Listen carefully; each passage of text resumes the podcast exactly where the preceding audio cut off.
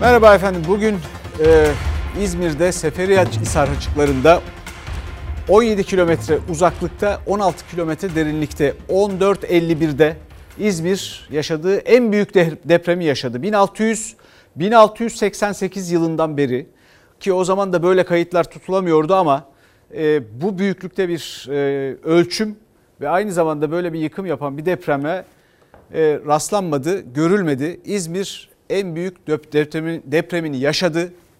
Bugün e, bununla ilgili her şeyi burada paylaşmaya çalışacağız, analiz etmeye çalışacağız. Bütün bültenimizi İzmir depremine ayırdık.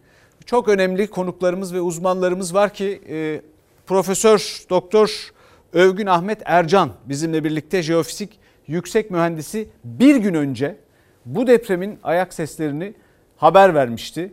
Yani bugün biz onu okuduk ve bugün o depremi yaşadık. Onun dışında da aynı zamanda e, Jeoloji Mühendisleri Odası İzmir Şube Başkanı Alim Muratan yayınımıza da katılacak. O da Ocak ayında bu depremi haber verenlerden biriydi.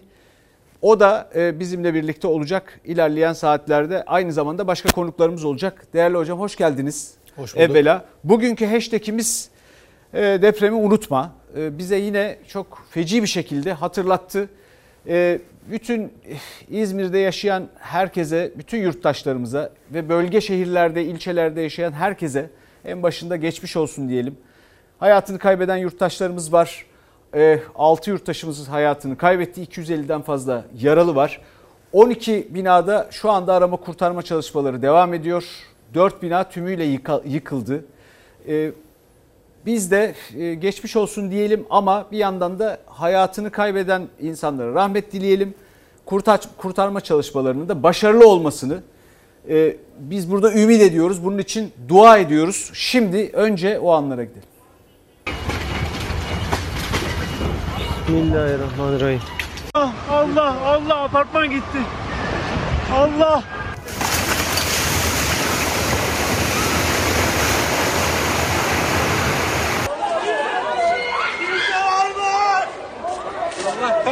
Bir sessiz olun da adamlar bir bağırsın. Bir sessiz olun ya. Karşı apartmanımız. Karşı apartmanımız yıkıldı. Oo suya bak nasıl yükseliyor. İzmir hiç böyle şiddetli sarsılmamıştı. Önce bir gürültü geldi ardından sallanmaya başladı Ege. 6,6 büyüklüğündeki depremle deniz bile yükseldi tekneler sürüklendi. Deprem İstanbul'dan bile hissedildi. 20'ye yakın bina yıkıldı. En büyük hasarsa Bayraklı ilçesindeydi. 70 kişi kurtarıldı ama hala enkaz altında olanlar var. Biri boğularak 6 kişi hayatını kaybetti. 257 kişi yaralandı. Çöken binalarda baksana ya.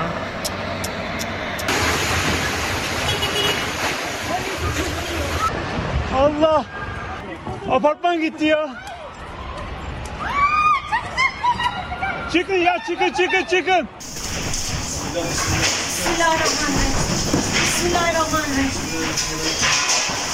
Saat 14.51'de Seferihisar'ın 17 kilometre açığında meydana geldi deprem. Sadece İzmir'de değil, Ege bölgesinin tamamında hatta Marmara bölgesinde de hissedildi.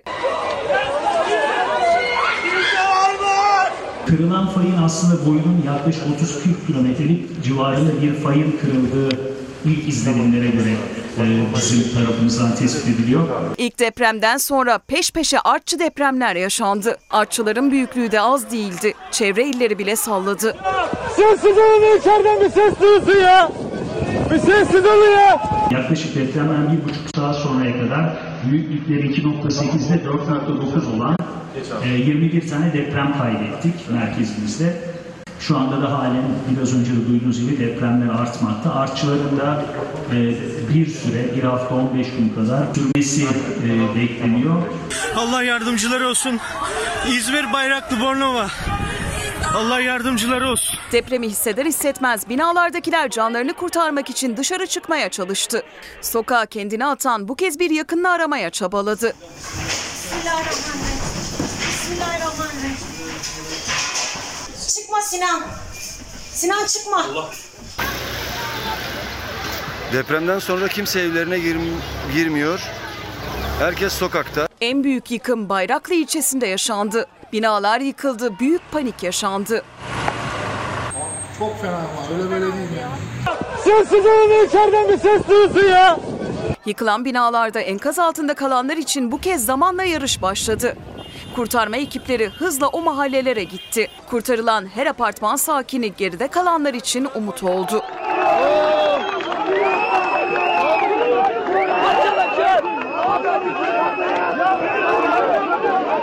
Ha bırakın helal olsun. Helal olsun bir şey yok. Seferihisar Sığacık'ta su taştı. Denizde de depremin etkisi büyüktü. Su sokaklara taştı. Tekneler sürüklendi. Eğer gidiyor. Böyle bir şey olamaz. Korkma korkma bir şey olur. Bunlar olur olur. Depremden sonra oluyor zaten. Aa gemi gidiyor. İzmir'de son yüzyıllarda yaşanan depremlerin en büyüğüydü bu. 6 kişinin yaşamını yitirdiği açıklandı. Yaralıların sayısı ise 257. Değerli hocam, İzmir en büyük, hatırladığımız en büyük depremini yaşadı dedik. Ciddi bir yıkım var. Ee, siz 6.6 değil diyorsunuz. AFAD 6.6 açıkladı. Ee, Kandilli 6.8 hatta sonra revize etti 6.9 açıkladı büyüklüğü. Amerika'dan gelen e, bilgi ise e, 7 olduğu yönünde. Siz ne diyorsunuz bu konuda? Ee, Yunanistan da 7 diye açıkladı. Şimdi Kandilli'nin 6.9'u daha doğruya yakın duruyor. Ee, ne yazık ki Türkiye'deki depremlerde iki tane saygın kuruluşumuzun farklı büyüklük değerleri vermesi e, bizleri de bir ikilem içinde bulunduruyor. Siz de ister istemez Ankara'nın resmi rakamlarına uyarak her depremi daha küçük gösteriyorsunuz. Aslında her deprem sizin söylediğinizden biraz daha büyük. Malatya depremi için de böyleydi. Malatya Elazığ depremi için de. Bu depremde böyle. 6.10'da 6 ile 7 arasında o kadar büyük fark var ki. Mesela ne kadar büyük fark? Birisi yaklaşık 2 atom bombası gücünde, birisi yaklaşık 40 atom bombası gücünde. Bu kadar farklı yani. Peki değerli hocam, Yani siz bugün e, bunu haber verdiniz. Evet. Çünkü 4.3 büyüklüğünde bir deprem oldu Ege'de. Evet. E, evvelsi gün Evet. saat 11 sularında ve siz onun üzerine Sözcü Gazetesi'ne bir, e, bir değerlendirme yaptınız. O Evet. değerlendirmenizde dediniz ki bir büyük deprem geliyor. Evet. İzmir'i ve civardaki pek çok ili etkileyecek büyük bir deprem geliyor. Evet. Tam dediğiniz gibi oldu. Bunu nasıl öngördünüz? Şimdi ben bir jeofizik mühendisiyim tabii. Ee, jeofizik mühendisleri deprem bilimi ve sismoloji dersi alırlar. Ee, dolayısıyla deprem konusunda her jeofizik mühendisi uzmandır. Nasıl bir tıp doktoru pandemiyi yakalıyorsa, bir sıtma tanısını koyuyorsa, biz de yeri e, e, yerin davranışlarına ve diriliğini ve nerelerde gerginlik boşaltacağına eğer çalışıyor isek biliriz. Eğer çalışıyorsak o konuda. Şimdi sözün gelişi elinizi verir misiniz bana? Mesela ben sizin nabız atışlarınıza bakıyorum. Sizin diri olduğunuzu anlıyorum. Peki bir kırığın diri olduğunu nasıl anlarım? Oraya deprem ölçerler yerleştiririm. Eğer deprem ölçerler o bölgede e, titreşimcikler veriyorlarsa, küçük küçük depremler yaratıyorlarsa ben derim ki bu kırık bu kırık diri. Eğer orada e, depremler belli noktalarda yoğunlaşıyorsa derim ki bu noktalarda yüksek tansiyon yaşıyor. Buraları çok gergin. Nasıl e, sizin e, kalp atışlarınızı ölçerek yüksek tansiyon 17-18 çıktığı zaman kalp sektesine uğruyorsunuz değil mi? Ama kalbinizin yeri belli. Belli değil. Belli. Ama koskoca bir Türkiye'de deprem nerede olacak? Kalbi neresi? İşte onun kalbini bulmak için Kandilli Gözlem Evi'nin verilerini ve Ankara'da Deprem Araştırma Merkezi'nin verilerini örtüştürerek bakarız. Hangi kırık üzerinde ve nerede toplanıyor? Ve geçmişte buralarda nasıl davranmış? Depremler çok kişiliklidir. İnsanlardan daha kişiliklidir. Yani hani depremler hiç bilinmez diyorlar ya. Deprem konusunu bilmeyen insanların söyleyeceği bir sözdür bu. Depremler bilinir. Kendini gösterir ama gören göz gerekir. Şimdi dolayısıyla tam SİSAM'ın üzerinde büyük bir gerginlik birikmesi vardır. Ne zamandan beri biliyor musunuz Selçuk Bey? Yaklaşık 5 yıldan beri bu bölge gerginlik birikiyordu, biriktiriyordu. Patlamak Peki, üzere. Değerli hocam bunun detaylarına girmek için birazcık sözü sizden alacağım müsaadenizle. Tunç Soyer İzmir Büyükşehir Belediye Başkanı e, hattımızda. Ondan son değerlendirmeleri, e, bilgileri alalım. E, Tunç Bey, e, Sayın Başkan durum nedir? E, şu anda 12 binada arama kurtarma faaliyetinin devam ettiğini biliyoruz. Ne kadar yurttaşımızı e, enkaz altında aramaya çalıştığımız konusunda bir bilginiz var mı?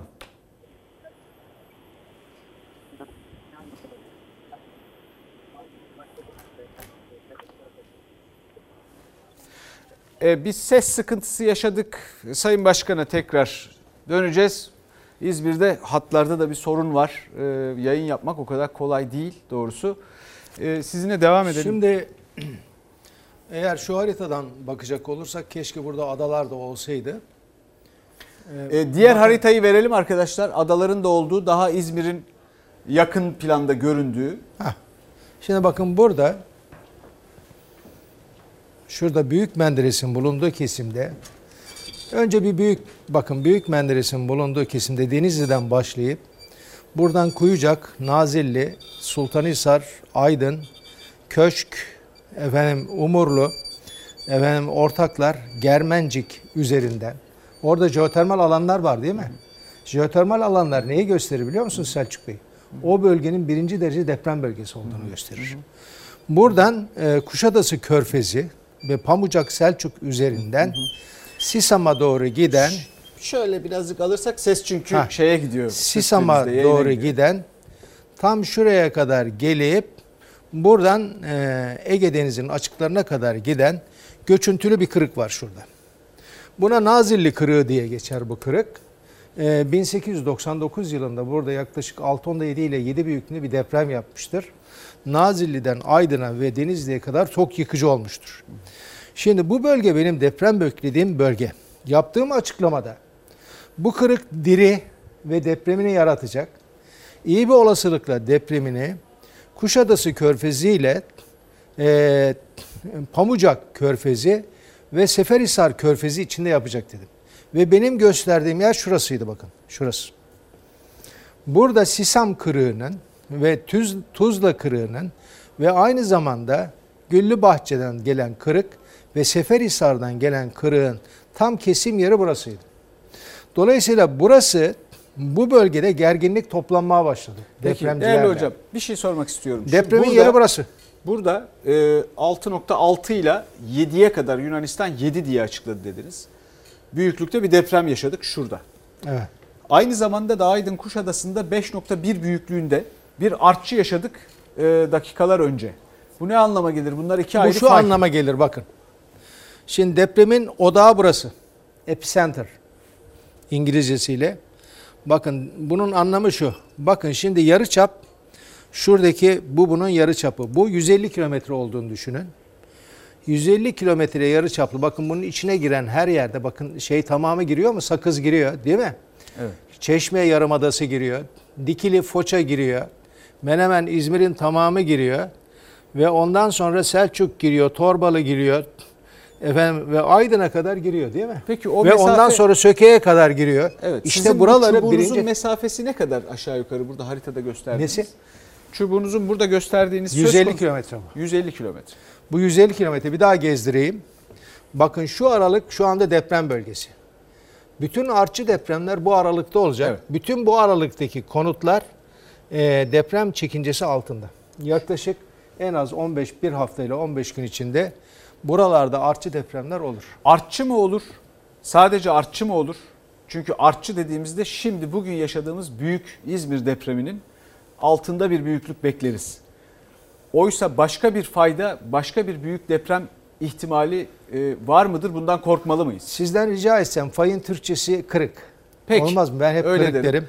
derim. E, şimdi e, şey, şey de e, şimdi evet olabilir. Güzel bir noktaya parmak bastınız. O zaman bunun detayını şimdi bir haberimiz var. Haberden sonra verebilir miyiz? Olur. hocam? Nasıl arzu edersin? Şimdi inanılmaz görüntüler var. Büyük geçmiş olsun. Saat 14.51'di. Bakın neler yaşandı.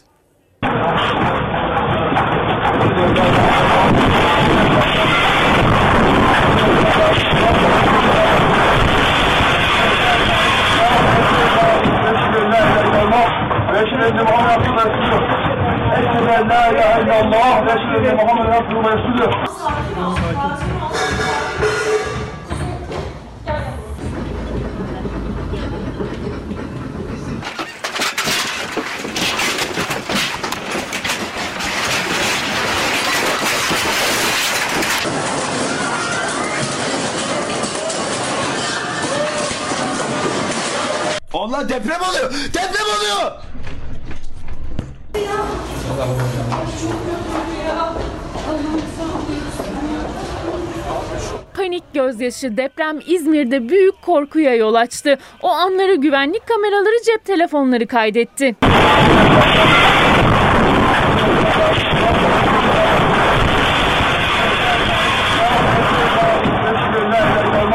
Bismillahirrahmanirrahim.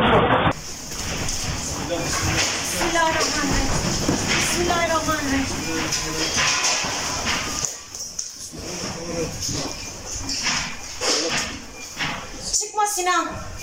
Sinan çıkma. 6,6 büyüklüğündeki deprem İzmir'de özellikle Bayraklı'da büyük paniğe neden oldu. Evlerde korku dolu anlar yaşandı. Dikkat edin. Düşüyor. Her şey devrildi. Bütün ev yerinden oynadı. Sen dışarıda mısın? İndin mi aşağıya?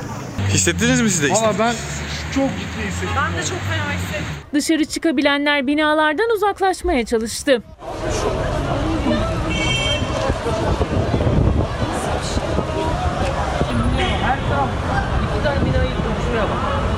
Deprem kısa sürmedi, saniyelerce devam etti sarsıntı. Binalardan düşen parçalar tehlike yarattı. Düşüyor. İzmir'de çok büyük deprem oldu. Gerçekten de çok şiddetli bir sarsıntıydı. Dışarı çıkamayanlar da balkona koştu, yardım çığlığı attı. Tamam tamam panik yok tamam tamam panik yok. Panik yok. Tamam bitti bitti. Hayır hayır hayır panik yok. Balkonda sinir krizi geçiren kadını çevredekiler sakinleştirdi. Çok kötü oldu. Çok kötü oldu. Seferihisar Sığacık'ta su taştı. En büyük panikse sahillerde yaşandı. Tekneler birbirine vurdu. Su taşınca restoranların masaları, sandalyeleri sürüklendi.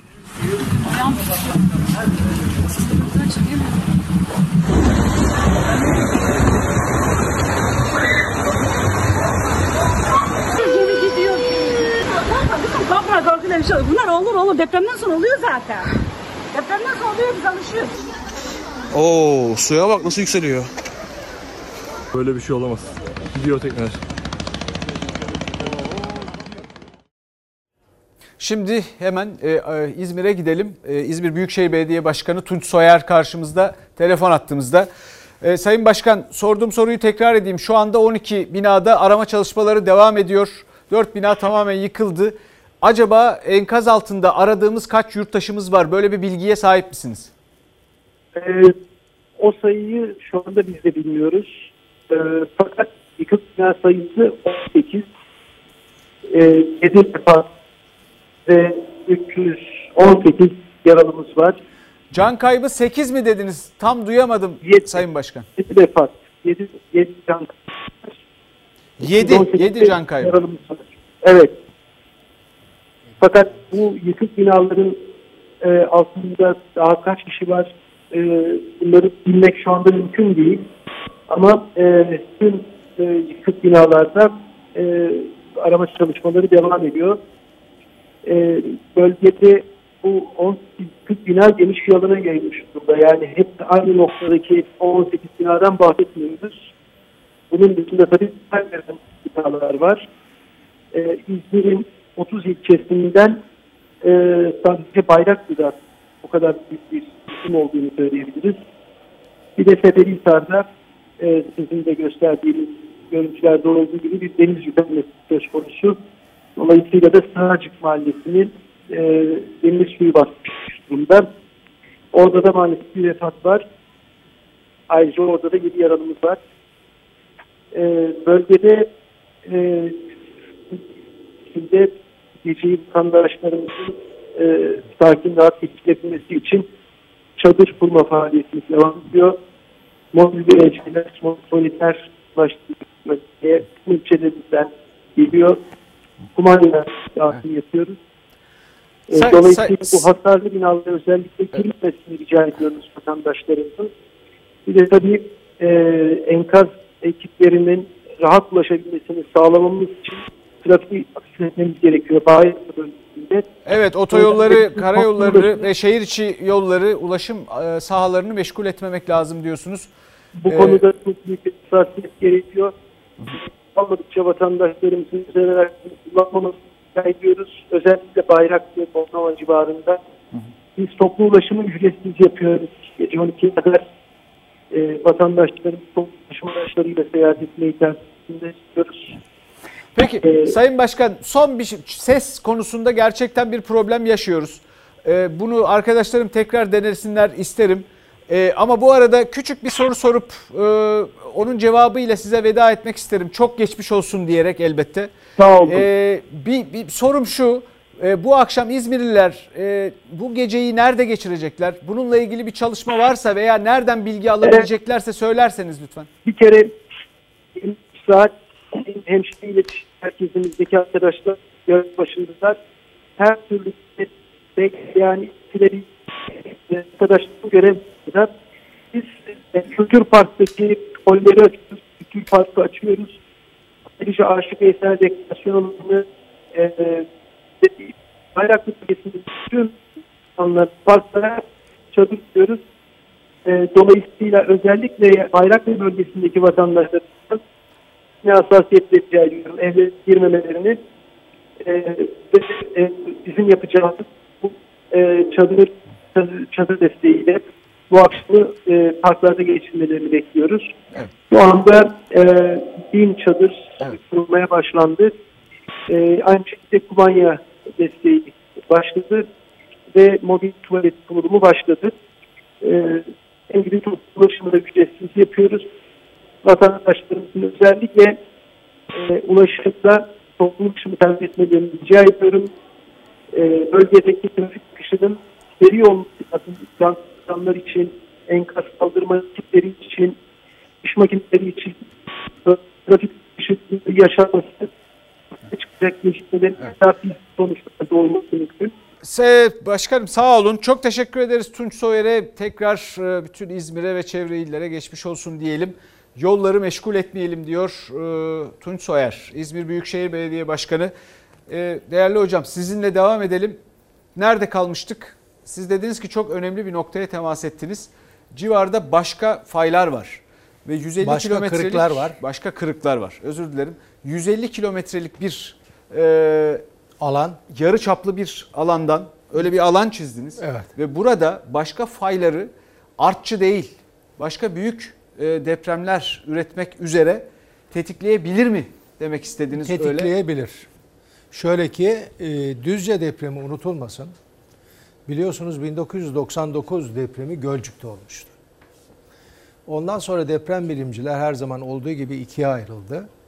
Kimisi dedi ki arkasından İstanbul depremi olacak. Kimisi dedi ki e, doğuda olacak deprem. Düzce tarafında, Kaynaşlı tarafında olacak diye. Düzce depreminin bir eksik e, enerji eksiği vardı. Yani bir güre eksikliği vardı. Şimdi bir kırık bir kırık e, kırıldığı zaman buradaki gerginliğin bir kısmını bunu kırmak için harcar. Ama gerginliğin yaklaşık yüzde yüzde 25'i birisi sağ uca, birisi de sol uçta toplanırlar. Ve buraya yüklenmeye başlarlar. Şu anda bunun yüklendiği yer aşağı yukarı Ortaksılar, Germencik bulunduğu kesim, Aydın'ın bulunduğu yerler ki buradan Nazilli Kırığı'nın geçtiğini söylemiştim size. Bir yerde Yunanistan'da adaların adını hatırlayamayacağım artık. Bütün adalar onların gerçi. Sakız Adası'nın alt kesimleri şu anda burada, bu tarafa doğru yükleniyor. Şimdi en olası depremler birisi Burca olabilir. Eğer gerçekten burada bir deprem hazırlığı varsa ve bir e, gerginlik e, eksiği varsa buradan gelen gerginlik bunu tamamlıyor ise Evet. buralarda 2-3 ay içinde bir deprem olabilir. Ya burada ya burada bir deprem olabilir. Yani siz Nazilli kırığına, Ha. Germencik e, ve Aydın e, bölgesi de civarına dikkat çekiyorsunuz. Dikkat çekiyorum. Evet. Yani Aydın Ovası göçüntü türü kırıktır. Yani göçüntü türü kırıklar ne demektir? Şöyle mesela İstanbul'un kırığı şöyledir. Şurası İstanbul'un bulunduğu, Kocaeli'nin bulunduğu yer. Burası da Marmara'nın bulunduğu yer. Sağ at, sağ yanal atımlı kırık deriz. Şöyle kırılır. Yanal kırılır.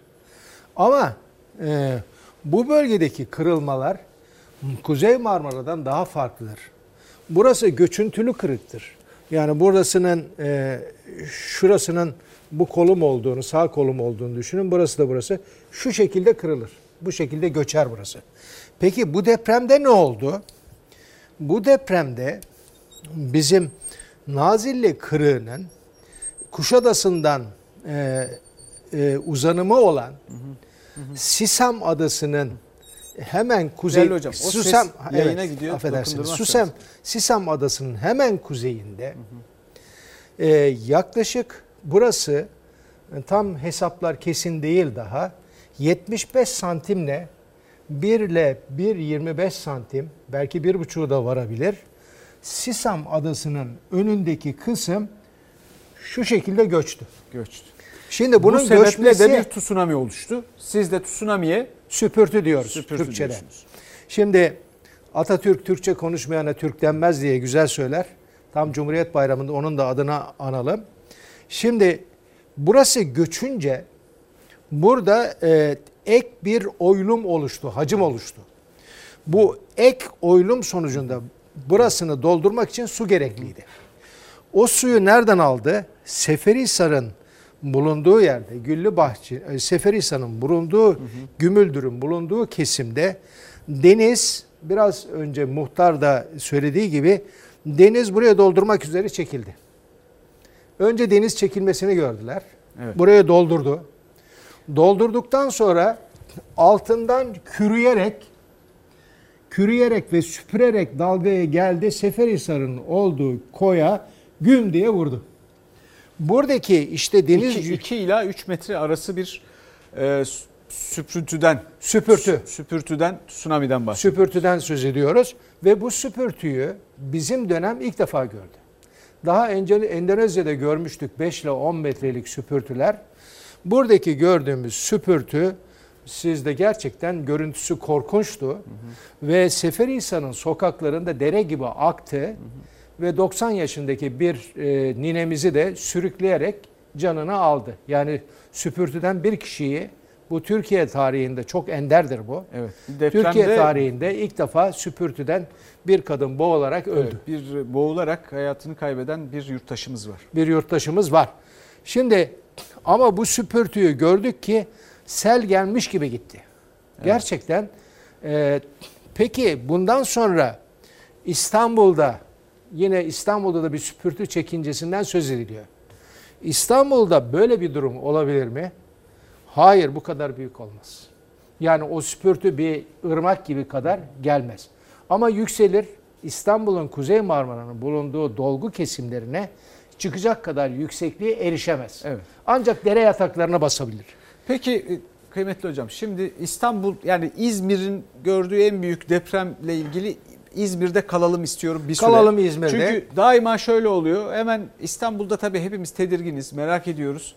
Ee, ona geleceğiz. Ee, ama şimdi e, İzmir'de yıkılan binalarla ilgili bir haberimiz var. Ee, bakalım nasıl dehşet anları ve bıraktığı enkaz. Oh, oh Allah Allah Allah apartman gitti. Allah.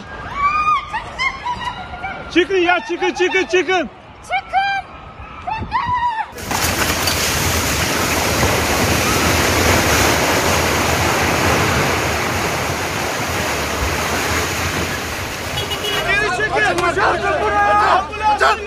Burayı boşaltın. Annem! Annem! Annem! Annem!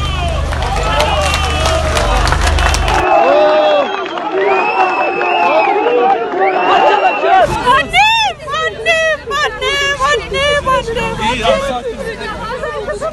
Hayır. Çocukları enkazdan kurtarılan bir annenin sevinç çığlıklarıydı bu. O evde yokken 6,6 büyüklüğündeki depremle yıkıldı evi. Tüm dünyası enkaz altında kaldı. Üç çocuğu kurtarıldığında yaşadığı mutluluğunsa tarifi yoktu. Üç kişi, üçü de buradalar. Üçü de kurtuldu şükür Rabbime şükür. efendim? Yok ben evde değildim. Çocuklarım evdeydi. İzmir'de 4 bina tamamen yıkıldı. 20'ye yakın bina ise büyük hasar aldı. Yıkılan binalar birer toz bulutu oluşturdu İzmir'in üstünde. Onlarca kişi enkaz altında kaldı. 70'i ilk 2 saatte kurtarıldı. Allah Allah apartman gitti. Allah. Çıkın ya çıkın çıkın çıkın. Ancak saatler geçse de hala enkaz altında olanlar vardı. İlk şoku atlatanlar hemen yardım için koştu. Ve 17 Ağustos depremiyle zihinlere kazınan sesimi duyan var mı sorusunun benzerleri yankılandı enkazlarda.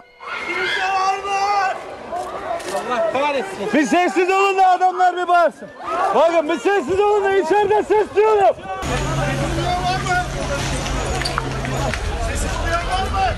Ekipler elleriyle kazmaya başladı enkazı. Küçük de olsa bir ses için sessizlik oluşturulmaya çalışıldı. Korkusunu çığlıkla dışa vuranlar susturuldu. Ve sonunda bir ses geldi. Pardon. Pardon. Var ya demin oradan geldi O bir anlık sessizlik çocukları enkazdan kurtarılan bir annenin sevinç çığlıklarını getirdi. Annem, annem, annem, annem, annem. Çok kötüydü. Alttan birden vurdu. Saniye içerisinde hızlı koşarak çıktık ama camlar üzerimize patladı.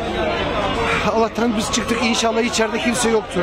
Arama kurtarma çalışmaları titizlikle yürütüldü. Çünkü artçı depremler devam ediyordu. Kuşadası'nda kaydedilen 5,1 büyüklüğündeki depremde o artçılardan biriydi. Bayraklı'daki 7 katlı binadan ayrı ayrı yaralı olarak çıkarılanların sayısı 5'i buldu. Bornova'daki bir binada kurtarmanın ardındansa duygu dolu anlar yaşandı. Her şey Allah'tan abla. Her şey Allah'tan. Yıkılmak üzere olan bir binadan son anda vinçle çıkarılanlar da oldu. Enkaz altında kalmaktan son saniyede kurtuldular.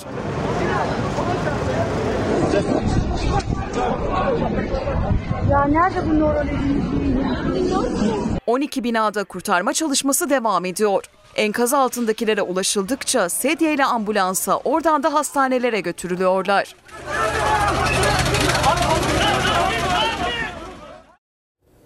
Madem enkazı ve yıkılan binaları gördük e, değerli hocama onu sormak isterim. Bu binaların görebildiğim kadarıyla bir ortak özelliği var. 5-9 kat arası yapılar bunlar. E, yıkılma biçimleri de ilginç. Bir, bazı 4 bina tümüyle çökmüş. Bir tanesinin bir köşesi çökmüş. E, diğer bölümleri, diğer köşeleri sağlam kalmış. Bu yapılarla ilgili bir de toplandıkları bir alan var daha çok. O da Bayraklı, Bornova e, birleşme noktası. E, o bakımdan da Manavkuyu denen mevki biraz orası tabii e, delta sanki. Bornova deltası gibi. Zeminiyle ilgili de bir şey söylerseniz bu binalarla ilgili değerlendirmenizi alalım.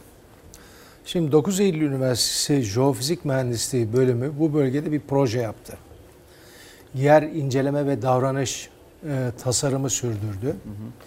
Bu tasarım e, sonucunda depreme en dayanıksız yer olarak Bayraklı Bornova ekseninin aynı zamanda Alaybey, Karşıyaka, Bostanlı, Karşıyak, e, Bostanlı, Mavişehir, Çiğli ve Menemen'i en güvensiz yer olarak belirledi.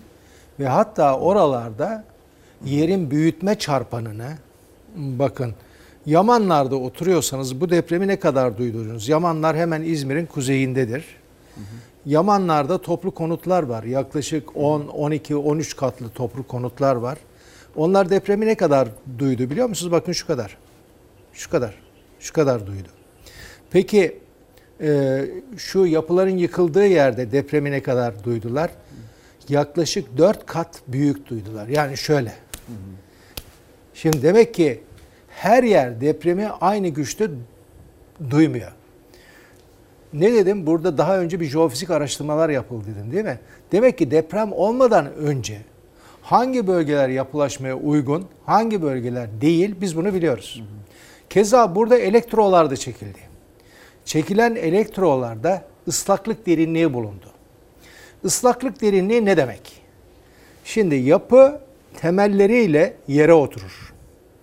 Şimdi yapının ne kadar yüksekse yapı temel aşağı o kadar inmesi gerekiyor. İstanbul Teknik Üniversitesi İnşaat Fakültesi'nde öğretim üyesi arkadaşlarım onu derler. Hiçbir şey bilmiyorsan her 5 kat için e, temelinizin altında e, perde betonlu bir bodrumunuz olsun. Ama orası kapıcı dairesi olmayacak. Bodrum olacak. Şimdi buradaki dairelerin siz yaklaşık 10-12 katlı olduğunu söylemiştiniz. Demek ki buradaki yapıların kaç olması Buradakiler gerekiyor? 5 ila 9 kat Ha, arasında. 9 katlıysa İstanbul'da eğer- da aynı problem var. Bir Aynı. de onlarda biliyorsunuz bir yüksek giriş falan gibi bir Aynen öyle. ticari mantıkla yapılmış Aynen. bir, bir tuhaflık var hepsinde, çoğunda. Selçuk kardeşim demek ki buradaki e, yapılarda şu yapılar biraz sonra geçip orada göstereceğim. Demek ki iki tane bodrum gerekiyor en az. İki Evet. tane bodrum. Peki ben o yörenin bir insanıyım. Dolayısıyla annem, kız kardeşlerim, e, yeğenlerim hep orada oturuyorlar. Kaldı ki ben de orada oturuyorum zaman zaman. Şimdi e, buradaki yapıların e, temel derinliği ne kadar biliyor musunuz? 1 ile 3 metre arasında. 1 ile 3 metre. 9 katlı bir binanın eğer temeli 1 metre ise o yapı ne olur bakın biliyor musunuz? Şuradaki yapı gibi olur. Bakın göstereyim oradan. Göstereyim mi? Göstermeden önce şunu yapalım. Bu binalarda şimdi kurtarma çalışmaları sürerken bir Buse kardeşimiz var. Onunla kurtarma ekibi e, bu enkazın altında telefonla bir konuşma gerçekleştirdiler. İşte o anlar. Şimdi tekrar bağırabilir misin bizim için? Ya da ışık görüyor musun? Kim annesi annesi nerede? Ablası mısın? Buse! Ah. Buse biz buradayız sakın korkma. Sakın aşkım korkma tamam mı? Konuş. Alo. Konuş. Kim olduğunu hatırlat. Tamam tamam A- tamam a- ta- alo Fatma, Fatma abla. İyi misin? Tamam tamam bak biz birazdan size ulaşacağız. Ulaşacağız size. Şu an ar- arama yerindeyiz ama arkadaşların dedikleri şekilde hareket edin. Polikliniğin alüminyum kapı. Polikliniğin girişinde alüminyum kapı. Tamam. Şarjının kaç olduğunu görüntüleyebiliyor mu? Efendim? Şarjının kaç olduğunu görüntüleyebiliyor mu? kaç olduğunu görebiliyor musun Erol abi? Asansördür diyorum. Şarj bizim için önemli. Eğer şarjları azsa kapatalım. Erol abi şarjın az mı? Buse, Buse duyu... Zeminin girişinde bir kapı varmış. Alüminyum kapı. Kap- Asansör kapısına benziyor mu? Hayır dış kapı diyor. Defalarca Erol, söyledi. Erol abi. Dış kapı Alo. defalarca söyledi. Asansörle alakaları yok. Alo. O zaman Buse. bir alüminyum kapı var. Evet. Buse sakın korkma. Ya Bak hepimiz buradayız tamam mı kuzum? Şimdi ta etrafında tam net net ne var onu söyle. Göremiyor hayatım karanlık. Göremiyorsun karanlık. Sakinleştir Tamam sen onu. kuzum sen sakin ol. Biz hepimiz buradayız. Bekliyoruz seni tamam mı? Hiç korkma sakın. 5 dakika sonra bir daha arayacağını söyle. Şimdi kapatalım Tamam, şarjı. tamam kuzum. Tamam. Sen sakın korkma şarjınız bitmesin. Yine arayacağız seni şimdi. Alüminyum kapı. Biliyorum. Bitiyor mu Erol abinin? Tamam biz senden ulaşacağız kuzum. Kimse Sen aramasın. korkma tamam mı? Sadece bu telefona cevap ver. getirsin ki şarjı uzun süre gitsin. Şey ekranı, şarjın ekranını karartın isterseniz biraz. Şey telefonun ekranını. İnternette kapatabiliyorsun. Ya da karartma. Tamam kuzum tamam. Siz sen Nasıl ulaşacağız? Erol abi üstüme düştü diyor. Tamam. Erol abi üstüme düştü diyor. Yani bir dakika. Sen sakin ol. Hiç korkma. Hepimiz buradayız. İzmir'den şimdi enkazların en çok yoğunlaştığı bölgeden canlı görüntüler ekranlarınıza geliyor. Bu görüntüleri izlerken ben de size biraz bilgi vermek istiyorum. Bugün saat 14.51'de İzmir gördüğü en büyük depremi yaşadı. 1688'den beri ki öyle bir net kayıt olmadığı için e, ama büyük bir deprem olduğunu bildiğimiz için e, bu tarihi hatırlatıyorum. Ama böyle bir e, yıkımın yaşandığı, böyle bir sarsıntının olduğu kayıtlarda yok. İzmir'in yaşadığı bu en büyük deprem Seferihisar'dan 17 kilometre kadar açıkta ve 16 kilometre kadar derinde oldu. 4 bina tümüyle yıkıldı. Şu anda 12 binada kurtarma çalışmaları sürüyor. Ulaşılamayan bir enkaz olmadığını belirtti İzmir valisi. E, şu ana kadar maalesef 6 yurttaşımızın hayatını kaybettiğini öğrendik. 350 kadar da yaralı olduğu bilgisi paylaşılıyor. Enkazda kurtarma çalışmaları e, şu anda devam ediyor ve hassas dinlemelerle sürüyor. Bir yandan daha yakından bir görüntüye geçtik gördüğünüz gibi. Hassas dinlemelerle e, bir yerden bir ses belirti, yaşam belirtisi bulmaya çalışıyorlar. Kurtarma ekipleri, AFAD ekipleri ve aynı zamanda bunun için çaba da gösteriyorlar. Çünkü e, sessizlik için e, işaret ettiklerini, bunun için uyarılarda bulunulduğunu da görüyoruz. 1999 17 Ağustos depremini de hatırlarsınız. Sesini sesimi duyan var mı? Haykırışıyla e, bütün bu deprem acısı, deprem gerçeği hepimizin hafızalarına kazınmıştı. E, şimdi e, bu canlı görüntülerimize tekrar döneceğiz. Enkazda kurtarma çalışmaları tüm hızıyla devam ediyor ve umarız ki iyi haberler alırız herkesten bugün umutla, Umut e, kardeşimizle umutlandık biraz. İnşallah devamı gelir. Şimdi dönelim stüdyomuza. Ee, kıymetli hocam, binalardan bahsediyorduk. Bu binalarla ilgili bir e, birbirini tekrar eden bir takım şekilleri var dedik. Siz de orada detaylarına gireceğim dediniz. Anlatacağım. Anlatırsanız Yalnız sevinirim. benim zamanım çok az kaldı. Gitmeden de şunu göstereyim. Depremden ölmemek için benim çıkardığım şu kitabı okusunlar. Ki bunun şeyi de korsanı da çıktı şimdi korkma diye. Bunu okurlarsa depremde ölmezler ve önlem alırlar. Küçük bir kitap bol bol resimli. Evet. Alsınlar bunu okursan. Belki zamanım olmaz. Ee, bu arada Şimdi, tam bu söylediğiniz şeye ilaveten bir şey söylemek bu, istiyorum. Buyurun. Bu görüntü ve fotoğraflarda enkazda e, üst üste binmiş kirişler ve yamyassı olmuş bir bina. Bunun gibi bir bina. Ve burada ayakta kalmış bir masa ve sandalye var. Şimdi ee, isterseniz... bu, bu, bununla ilgili zaman zaman tereddütler oluşur biliyorsunuz. Yani masa sandalye değil, kiriş altında durmak lazım. Orada değil, burada durmak lazım Kiriş diye. altında durmanın iyi olmadığı şu anda kurtarmacılar evet, söylüyorlar. O masa ve sandalye dimdik ayaktaydı. Bakın şimdi burada zaman çok az kaldığı için e, onun için söyleyeyim. Bakın buradaki beton niteliği ne kadar düşük. Çatlaklı, kırıklı ve donatılara bakacak olursanız düz donatı. Oysa deprem yönetmeliği hı hı bu donatıların kıvrık olmasını yani evet. nervürlü olmasını arzu eder. E, bu utançtır yani. Bu bir e, mühendislik yapısı Buradan asla bile olamaz. her türlü e, zayıflığı veya yani uygunsuzluğu bir utançtır bu yani. Anlamak bu, mümkün. Bu utançtır. Bu demirlerin Bakın, kesilmemesi lazım. Bunlar zaten standart ve kanunen korunacak şekilde 12 metre üretilirler. Kesilmemeleri gerekir. Evet. Bunların uçlarının kıvrık olması gerekir kıvrık ve dişli gerekir. olmaları lazım. Ve kaynaklı Belli olması bir gerekir. kaynaklı olması lazım. Şimdi bakın e, şurada e, inşaat mühendisi arkadaşlarımız bunu çok iyi bilirler. Kalın bir kiriş değil mi? Biz buna kiriş diyoruz. Evet. Yani sizin tavanınız ve tabanınız. Hı. Ve burada da şunlar da dikme. Bakın nereden kopmuş? Tam kiriş ile dikmenin bağlantısı kopmuş. Türkiye'deki yapıların yıkılmasının %75'inin nedeni burası. Peki bu cinayet değil Kolam, mi? bu cinayet. Bu cinayet değil mi? O zaman bunun kim yaptı? Bu mühendislik yapısı olamaz. Evet. Veyahut kontrol. Çünkü orada kesiyorlar o demirleri, o inşaatı yapıyor. Aynen öyle. Yani burada bak bunlar zayıf. %75'i bu nedenle yıkılıyor. Ve yapıyı ne yapmış? Ağır yapmış. Kirişleri kalın yapmış. Dikmeleri ise ince yapmış. Oysa tam tersi olması lazım. Yani bu bir cinayet yapısı. Buradan kurtarmaya çalışıyoruz insanları. Gelelim şu yapıya. Bakın biraz önce söz ettim. Yeterli temel derinliğinin olmamasından. Bakın bu yapı sağlam. Yıkılma yok.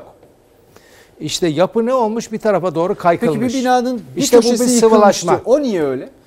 Şimdi genellikle köşe binalarda eğer bitişik düzende yapılar varsa e, bir taraftan vurduğu zaman gerginliği yandaki binaya doğru e, iletir. Hı hı. En köşedeki yapı ise yıkılır. Evet.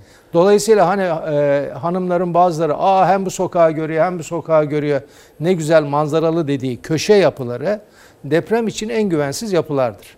Bakın bu yapı sağlam, göçmemiş ama yan yatmış. Yan yatmış. Neden?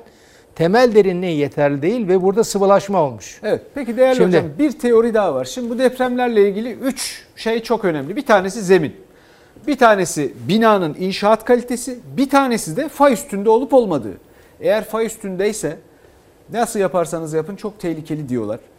Zeminde ne kadar deri, derine inerseniz inin bu sıvılaşma meselesi çok tehlikeli deniyor. Ee, O bakımdan belki de o deltalara hiç yapılaşma izni vermemek lazım değil mi? Çünkü bu Evet. söz konusu Bayraklı Bornova deltasında yüksek yapılaşma görülüyor çünkü. Öyle bir var. adı Gediz Deltası'dır. Evet. Ee, Eski Gediz'in aktığı yerdir burası. Şimdi oraların yeşil alan bırakılması gerekiyor ve dere yataklarının yeşil alan bırakılması gerekiyor. Eğer ilk 20 metrede su varsa, kaldı ki bunu elektro çekimleriyle jeofizikte buluyoruz. İlk 20 metrede su varsa yapınız iyi bir yerde konuşlanmamış demektir. İnşaat mühendisleri çok iyi bilirler. Bu tür yerlerde eğer yapı yapılacaksa bohçalama yapılır. Yani bohçanın içine alınır temel ve temel yalıtılır ki sünger gibi çünkü beton şeyi e, ıslaklığı çeker. Çektiği anda hem beton niteliği düşer hem de donatı paslanması başlar. Şimdi e, bunlar belirlenebiliyor mu? Belirlenebiliyor. Acaba buradaki yapıların kaç tanesinde bunlar yapıldı? Ben görüyorum ki bunların hiçbirinde yapılmamış. Peki bunlar inşaat mühendisinin elinden mi çıkmış? Ya da statik projeleri var mı? Ben şunu e, güvencesini verebilirim ki hayır diyeceğim. Yoktur. Yani burada ne jeofizik ne jeolojik çalışma Evet. ne geoteknik çalışma burada yapılmamış bu yapılarda. Yani bunlar cinayet binaları.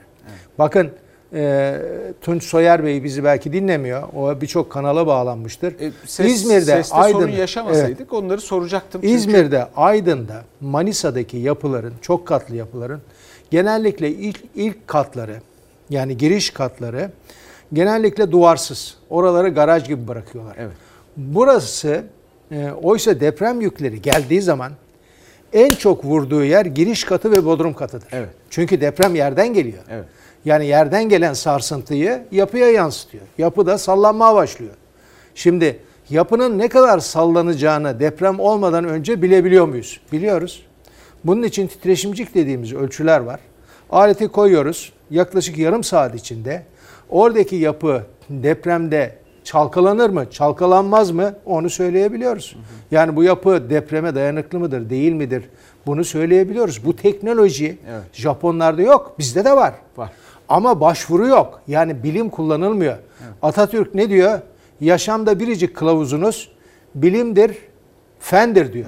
E biz bunu sadece şiir gibi okuyoruz. Peki bir çalışma yapıldı. E, MTA Maden Tetkik Arama tarafından aktif e, fay haritası güncellendi. E, ve Türkiye'de 400 yeni fay %40 Türkiye'deki e, diri e, kırık sayısının arttığı gözlemlendi ve bunun da önemli bir bölümünün Ege bölgesinde Doğrudur. olduğu tespit edildi. Doğrudur. Bunun üzerinden de 10 yıl geçmedi henüz. Evet.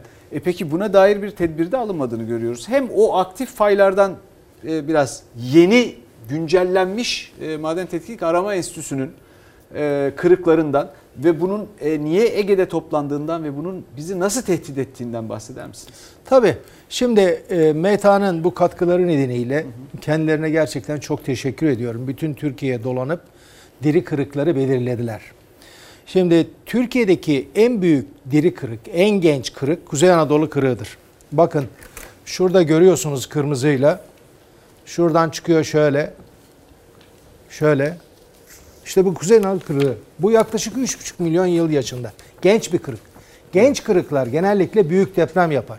Bu kırık boyunca kaç büyüklüğün deprem beklenir? 8. Ee, bu yaşlı bir kırıktır. Doğu Anadolu kırığı bakın. Bugün Bingöl'de bir deprem oldu. Ee, kimsenin ilgisini çekmedi. Yaklaşık 4.10'da 2'lik bir deprem oldu. Çünkü doğudaki depremleri biz pek önemsemeyiz. Evet. 4.10'da 2'lik bir deprem de oldu. unutmuştuk. Elazığ Bu- depremiyle 24 Ocak'ta hatırladık. Evet bu o, 15 milyon yıl yaşındadır bu kırık. Bu büyük deprem üretmez. Asla 8 üretmez. Üretebileceği en büyük deprem yaklaşık 7.10'da 2. Hadi uğratsa 7.10'da 3'ü uğratabilir. Evet. Çünkü yaşlıdır. Yaşlı insanı hızlı koşturamazsın. Şimdi depremlerin %13'ü burada olur Türkiye'de. %52'si ise en diri kırık olan Kuzey Anadolu kırığı boyunca oluşur. Şimdi gelelim Batı Anadolu'ya. Şimdi burası sol atımlı bir kırık. Şöyle bunun işleyişi şu şekildedir. Şu şekildedir. Sol atımlı kırık. Peki bunun işleyişi nasıldır? Bunun işleyişi böyledir. Şöyledir. Geldik e, Batı Anadolu kırıklarına. Bakın Bursa, Batı Anadolu kırıkları ise yani Afyonkarahisar, Isparta, Denizli, Aydın, Uşak, İzmir, Manisa, Balıkesir ve kısmen Çanakkale ve Bursa'nın bulunduğu kesim. Burası ise göçüntü türü kırıklardır. Şurada Eğer bir daha göçüntüler işaretleyelim. Şurada yaşadık bugün değil mi? deprem tam şurada oldu. Evet. Şurada oldu. Eğer e, bu göçüntü türü kırıklar olmasaydı burada kızık alanlar olmazdı. Kızık bu arada jeotermalin Türkçesi. Evet. Kızık alanların oluşması için e, diri depremlerin olması gerekiyor.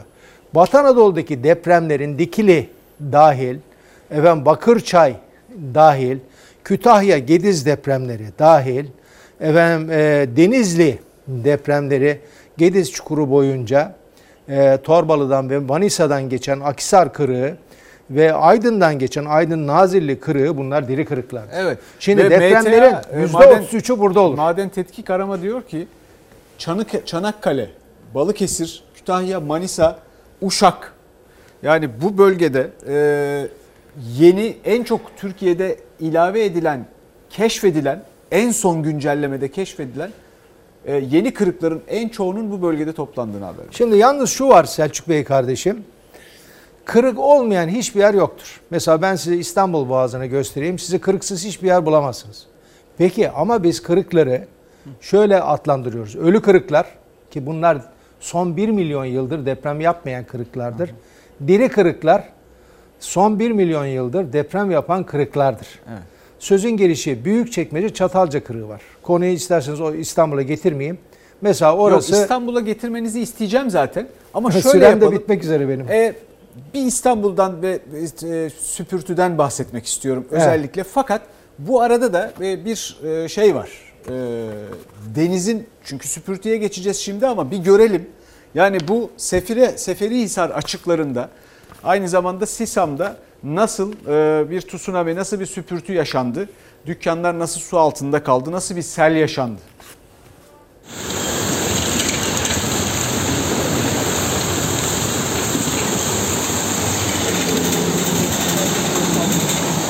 Deniz tsunami oldu. Her yeri su bastı.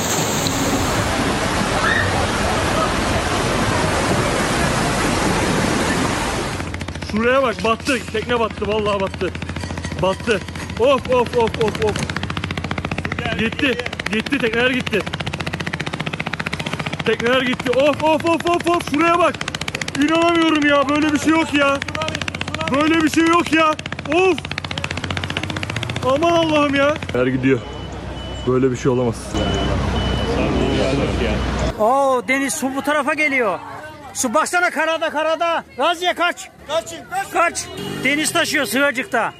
Müthiş bir su. Kaç kaç Raziye gel bu tarafa. Depremin hemen sonrası felaketin Seferihisar Sığacık'taki yansıması tsunami oluştu. Tekneler bağlı bulundukları iskelelerden ayrıldı, denize sürüklendi, sokaklar sular altında kaldı.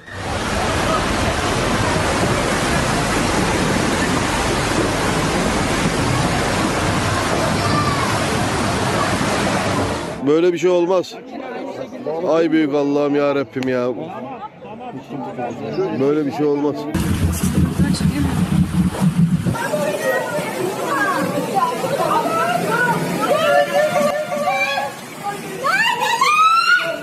Depremin merkez üssü Seferihisar açıkları. Deprem sonrası ilk kaydedilen görüntüler bu oldu. Deniz çekildi. Birkaç dakika önce suyun içindeki tekneler karadaydı. Derenin kenarındaydım birden baktım su yükseliyor. Kaçtık ondan sonra birdenbire su geldi.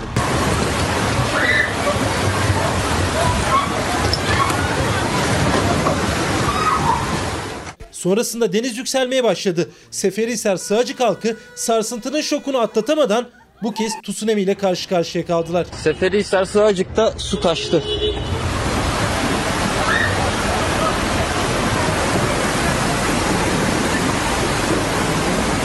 Önce sokaklar, caddeler sular altında kaldı. Ardından ara sokaklar ve taşan deniz önüne ne kattıysa sürükledi. İnsanlar canavliyle yüksek noktalara çıktılar. Tekneler gitti. Of of of of of şuraya bak.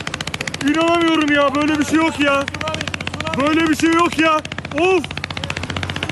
Aman Allah'ım ya. Denizin yükselmeye başladığı anda Sığacık Marina'daki görüntü. Balıkçı teknelerinin, lüks yatların akıntıyla alatları koptu. Onlarca tekne denize sürüklendi. Aman Allah'ım ya. Böyle bir şey olamaz ya. Of ya. Eyvah eyvah eyvah yüzen iskele de var. İskele de çıktı. Nerede beyler? Bilen var mı? Depremi en yakın hisseden Seferihisar Sığacık'taki görüntüler felaketin büyüklüğünü gözler önüne serdi. Tekneler alabor oldu. Tsunami ile sokaklar sular altında kaldı. Can kaybı da var ilçede. Maddi hasar da oldukça büyük. Kıymetli hocam biz böyle bir şey yaşamadık. Bu süpürtüden biraz bize bahsedin. Yani ne olur bu e, tsunami. Onu ikisini birden söylüyorum. Beni affedin çünkü Bu Selçuk, sevgili kafaya Selçuk kardeşim, yerleşsin diye. Özellikle Atatürk'ün buyruğuna uyup tsunami yerine süpürtü dediğiniz için size minnettarım. Çok teşekkür ederim. Sağ olun. Ee, şimdi e, süpürtü olayını biraz önce burada açıklamıştım. Yaklaşık Kandilli e, Gözlem Evi'nin başkanı sevgili Profesör Doktor Haluk Özener'in dediği gibi e, yer 2.1 metre şeye doğru kaydı. Ee, Çökmeyle birlikte diyorsun. çökmeyle birlikte. Ben bunu söylediğim zaman Bu çökmenin insanlar ne kadar, gülmüştü ne ve ben kadar olduğunu düşünüyorsunuz bu çökmenin? Biraz önce bahsettiniz bu çökmenin yaklaşık 0.75 santimetre ile 1.5 metre olabilir. Tamam.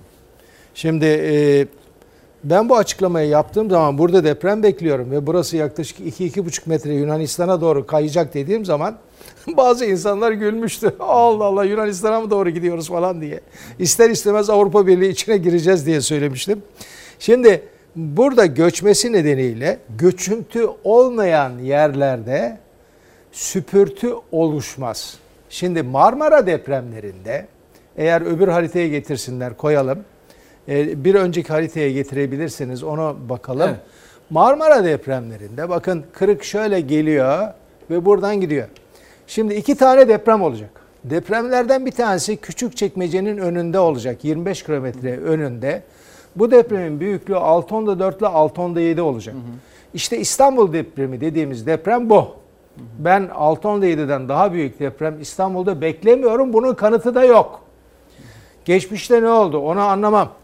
Ama diğer deprem Marmara Eğrisi'nin önünde olacak tam şurada ki burada denemelerini yapıyor şu anda. Ve 10 ki- 10-15 kilometre içinde olacak. Bu deprem büyük olacak işte. 7 ile 7.10'da 2 arasında olacak bu deprem. Şimdi İstanbul'u etkiler mi? Etkiler ya. Ta buradan buraya kadar İstanbul. Tabii ki etkiler. Bir de etkileyeceği bir yer var. Tekirdağ, Çanakkale, Balıkesir, Bursa ve Yalova'ya da etkiler bu deprem. Yani nasıl buradaki deprem gelip de 100 kilometre ilerideki İzmir'deki yapıları yıktıysa gerek bu deprem gerek Marmara Eğrisi gerekse Küçükçekmece depremleri aynı zamanda Yalova'nın, Kocaeli'nin, Bursa'nın, Balıkesir'in, Çanakkale'nin, Tekirdağ'ın ve Edirne'nin depremleridir. Peki kıymetli hocam bir Şimdi şey sormak burada istiyorum bir burada. şey söyleyeyim. Buyurun. Halk belki bizi izliyor. Şimdi e, işte her an deprem olabilir diyor bazı arkadaşlarımız. Ben hayır diyorum. Her an deprem olabilmesi için burada gerginliğin olması gerekiyor. Marmara gergin değil ki. Marmara'nın kabuk kalınlığı burada yaklaşık 30 kilometre. Geliştirmiş olduğum öz iş denklemine göre, İngilizcesiyle algoritmaya göre burada deprem 2045'ten önce olursa benim için şaşırtıcı olur. Yani 21 yıldır her an deprem olabilir deniyor. Ya insanlar gerçekten psikolojisi bozuldu insanlar. İnsanlar halen 3'e kadar yatamıyorlar. Şimdi e, depremin Şimdi- vallahi billahı olmaz yalnız. Şimdi bir şey sorabilir miyim? O Buyurun. söylemek istediğim şeyi. Benim hatırladığım Christopher Scholz isimli bir bilim insanı Evet. şöyle bir iddia ortaya atmıştı. Evet. Ki buna da ateş böceği teorisi filan diyordu. Evet. Şimdi genellikle şöyle bir açıklama duyarız e, bilim insanlarından. Böyle bir sarsıntı olduktan sonra bir kırık kırıldıktan sonra İstanbul'la ilgili çok endişeli olduğu için ve İstanbul Türkiye'nin en yoğun nüfusunu e, barındırdığı için İstanbul'u etkiler mi Marmara'yı etkiler mi Marmara'daki fayları etkiler mi diye. Bu Christopher Scholz diyor ki tersine genelde yapılan açıklamalar şöyle çünkü etkilemez. Alakası yok. O fay başka fay. Christopher Scholz da diyor ki hepsi birbirini etkiler. Birbirini etkileyemeyecek bir fay yoktur. Çünkü bunların hepsi birbirine bir dirsek teması gibi düşünün. Bir dirsek teması ile bir etkide bulunursa hepsi birbirini şu ya da bu biçimde etkiler. Bunun içinde en etkili mesafe 50 kilometredir diyor. Şimdi sizin buradan e, oraya etkisine dair kanaatiniz nedir? İkisi de doğru aslında. Şöyle ki buradaki işleyiş biraz önce anlattığım gibi göçüntü türü kırık. Burası ise yanal atımlı bir kırık. Ee, doğrudan doğruya buraya etkilemez. Ama dolaylı olarak etkiler. Yani burada bir gerginlik birikimi eklentisi yapar. Biraz önce Düzce Gölcük depremi söylediğim gibi sözün gelişi bir arkadaşım yine bir e, doktora çalışması yaptı. Hatay'da bir deprem oluşturdu. Tamamen bir taslak çalışmasıydı bu. Hatay'da oluşturan depremin İstanbul'a etkilediğini gördü. Yani Christopher'ın söylediğinin aynısını söyledi. Dolayısıyla biz buna uzak etki diyoruz. O bahsettiğiniz biraz daha açıklayabilir misiniz? Oradan nasıl etkilediğine dair hatırlayabiliyor musunuz? Ya bunun bir taslaklamasını yaptı. doktora yani bunların çalışmasını. hepsinin buradaki bu doktora çalışmasında buraların hepsi e, Türkiye'ye yaklaşık 7 tane parçadan oluşuyor. Bu parçalar birbirlerine tosuyorlar zaten. Birbirleriyle ilintili halde. Dolayısıyla sizin de biraz önce açıkladığınız gibi bir yerdeki baskı diğer tarafı baskılarak domino e, taşlarında olduğu gibi o tarafa iletiliyor. Ki siz bu şu, söz Biz buna konusu- uzak etki deriz. Ama siz bu söz konusu bugün yaşadığımız İzmir'in en büyük depremi için dün diyorsunuz ki Kuzey Anadolu fayının Ege'deki devamıdır. Buradaki fayları öyle Doğru. tanımlıyorsunuz Doğru. ve diyorsunuz ki buraya geldikten sonra bu etki geri dönüyor. Aynen öyle doğrudur. Ne, ne demek bu? Şimdi Kuzey Anadolu kırığı İstanbul ve Tekirdağ depremlerini yaptıktan sonra Saroz'u olasılıkla atkılayacak. Yani normalde bu kırık Mürefte'nin bulunduğu kesimden ve e, Saroz e, Evreşe'nin bulunduğu kesimden şu Gelibolu Yarımadası'nı koparacak günün birinde. Burası bir ada olacak. Daha sonra bu e, Selanik önünden, üç parmak yarımadasının önünden Atina'ya doğru gidiyor. Şu anda özellikle şu bölüm yani Bozcaada e, ile Gökçeada'nın bulunduğu kesimden Atina arası etkin, diri. Şimdi eğer bugünlerde bu depremi beklerken deprem Atina ya da Selanik'te olursa benim için şaşırtıcı olmaz. Bu bizim için ne demek olur? Yani Atina'da olabilecek bir deprem bizim bütün Ege kıyılarının tamamını etkiler. Yani şurada çünkü bu da Kuzey Anadolu kırığının e, süreyi, uzantısı. Peki şimdi şunu anlamak istiyorum kıymetli hocam. Benim zamanım doldu. 17 bana iki dakika daha verirseniz Hadi bakalım. istirham edeceğim sizden. Halk TV kızacak bana. Ee, Evet. Şurada 17 Ağustos 1999'da yaşadığımız ve ondan sonra onun etkileriyle devam eden depremlerin bir buna bir etkisi netice olarak buraya ulaşması gibi bir şey söz konusu mu? Söylediklerinizden bunu anlayabilir miyiz? Ya Çok- da bu deprem burada olduktan sonra bunun etkisi tam ters yönde belki Marmara'ya veya başka bölgelere doğru Anadolu'nun Ege'nin içlerine doğru gider mi diyorsunuz? Etkiler. Yaklaşık yani biz buna uzak etki diyoruz. Ee, şöyle ki en çok etkileyeceği yer yaklaşık şu çaptaki bir yerdir. Bu çaptaki yerde sizin de biraz önce söylediğiniz gibi MTA'nın yeni belirlemiş olduğu kırıklarda 400 Taş- yeni fay, yeni kırık, Taş- çoğunluğu Ege'de. Bu diri fayların bahsedilen 400'ünün altının üzerinde e, deprem üretme e, Evet. ihtimali var. eğer taşma noktasına kadar o kırık üzerinde gerginlik birikmişse Şimdi değerli hocam büyük bir enkazdan deprem- şimdi bir yurttaşımız çıkartılıyor. Ben kaçayım. Onun görüntülerini canlı olarak ekrana getiriyoruz. Takip ediyoruz. Çok şükür bir yurttaşımız daha e, canlı olarak e, ekranlarımıza yansıyor. Şu anda kurtarılıyor. Deprem saat 14.51'de meydana geldi. 17 kilometre açığında Seferihisar'ın 16 kilometre derinlikte 6.6 ila 7 arasında AFAD 6.6 diyor. Yunanistan ve Amerika 7 diyor. Ee, Kandilli 6.9 diyor büyüklüğüyle ilgili. Şimdi e, bu kurtarma çalışmalarını bir yandan havadan da yerden de vermeye devam edeceğiz. Bu arada da değerli hocamı uğurlayacağız galiba. Ben çok özür diliyorum bizi Onun son izleyenlerden. sözlerini alalım. Ayağına Çünkü sağlık. biraz sonra Halk TV daha sonra Tele1'e söz verdim. CNN de bekliyor ama hepsine çıkamam yani. Mümkün Çok çok değil. teşekkür ederiz. Bizim, Ee, ben bizim- e, tabii söylemek ki- istediğiniz bir şey var mı? Bunun üzerine benim sorma so- soramadığım, yani deprem aklıma gelmediğini düşündüğünüz sizin söylemek bir istediğiniz bir şey. ülkede ekonomi ne kadar bozuksa deprem o kadar öldürücü olur. Deprem ve terör yoksulun sorunudur. Bunu bilelim. Dolayısıyla bir ülkede yoksulluğu yenmedikçe depremlerin adı ölüm olur. Bu özetle bu böyledir. İnsanlar istedikleri için kötü ev yapmıyorlar. Çünkü yer inceleme çalışmalarına para ödemeleri gerekiyor. İnşaat mimari projeleri para Bu arada ödemeleri bir gerekiyor. yurttaşımızın bir yurttaşımızın canlı kurtarılması ile ilgili görüntüleri de bir izlemeye devam ediyoruz bir yandan. depremi deprem sorununu çözmek için o ülkenin ekonomisinin düzelmesi gerekiyor. Yani e, yoksulluk ne kadar fazlaysa deprem size o kadar yakındır. Depremde zaten yoksullar ölür, zenginler ölmez. Hiçbir ünlünün, hiçbir zengin bir kişinin enkaz altından çıkarıldığını duymadınız, duymayacaksınız. Dolayısıyla ana sorun yoksulluktur. Eğer Papua, Papua Yeni Gine'nin parası bile Türkiye'nin parasından iki kat daha pahalıysa biz daha çok deprem programları yaparız sizde. Bundan ben da- çok üzüntülüyüm Evet. İzmir için. Ama bu ne ilk deprem ne de son depremdir. Peki şunu diyebilir 2020 miyiz? 2022 2022'ye kadar Türkiye'de deprem yılı olacaktır.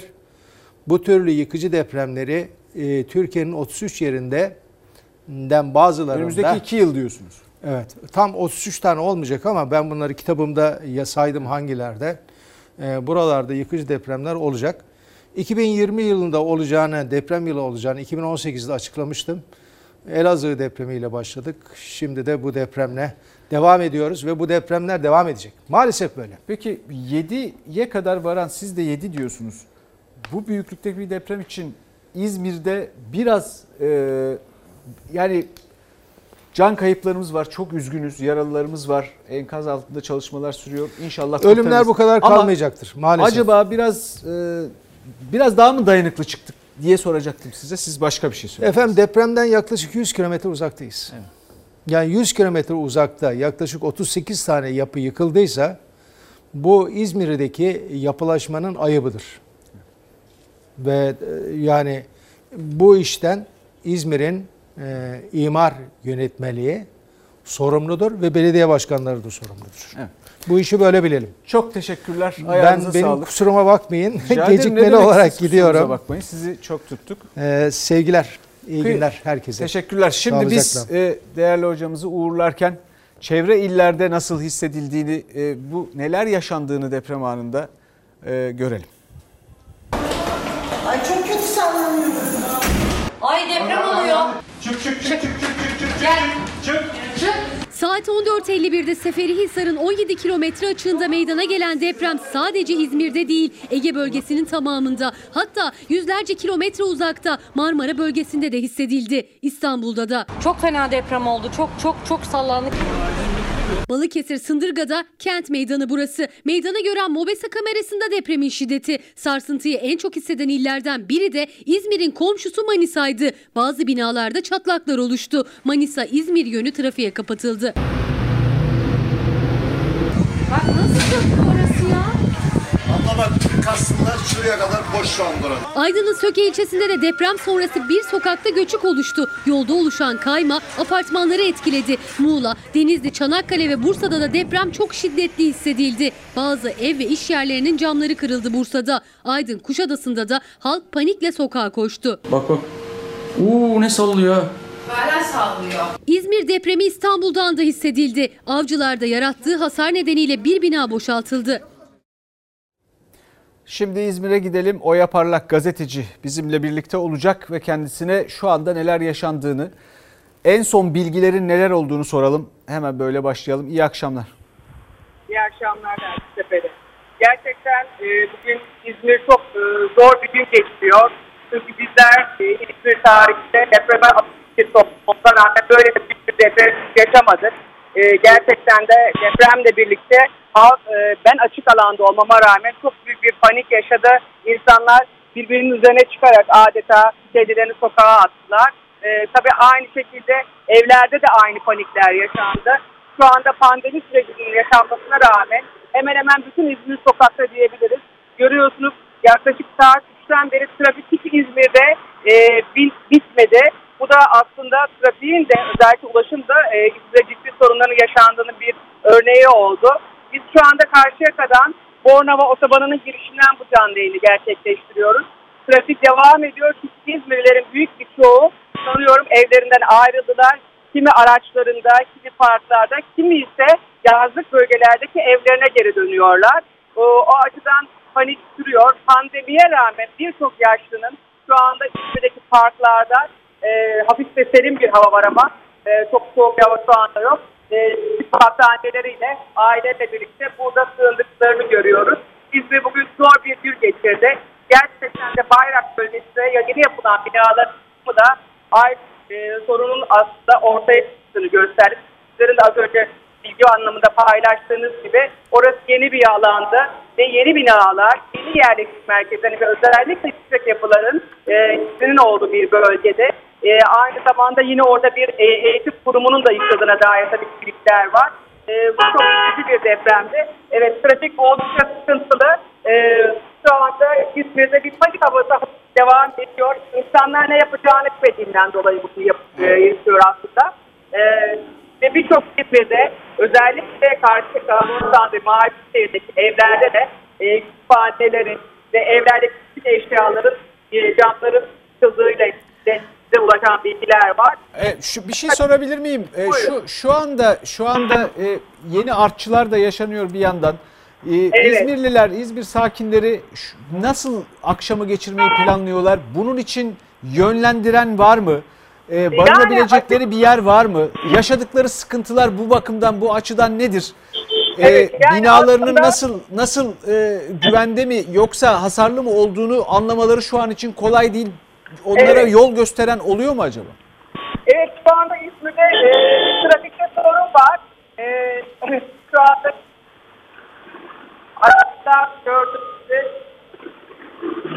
oldukça geldi. E, insanlar bir yerlere geçme telaşında biz şunu gördük. Karşıyaka bölgesinde bir yıkım yok ama inanılmaz trafik sıkıntısı var. Ve yağmur bekleniyordu bu akşam. E, ama şu anda yağmur olmaması sevindirici. Havada ılık bir hava. Şu anda benim gördüğüm kadarıyla hemen hemen her parkta insanlar e, toplam durumda. Tabii bu arada bir pandemi dönemi yaşanıyor biliyorsunuz. Biraz insanlar evlerden sokaklara ve sahil bölgelerinde e, şekilde bekleyişleri sürdürüyor. Çünkü e, birçok sitede İzmir'de, Bostanlı'da ve diğer bölgelerde evlere girilmeme uyarısı yönetimleri tarafından.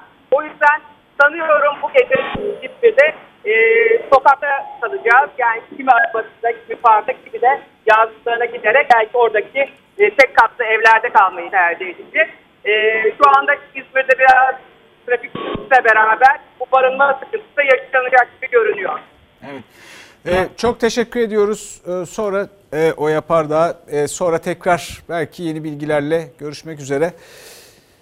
E, bu arada Ankara'nın e, elbette hemen e, konuyla ilgilenmeye başladığını e, ve konuyla ilgili mesajların hem de e, hareketin, seferberliğin başladığını belirtelim ve izleyelim.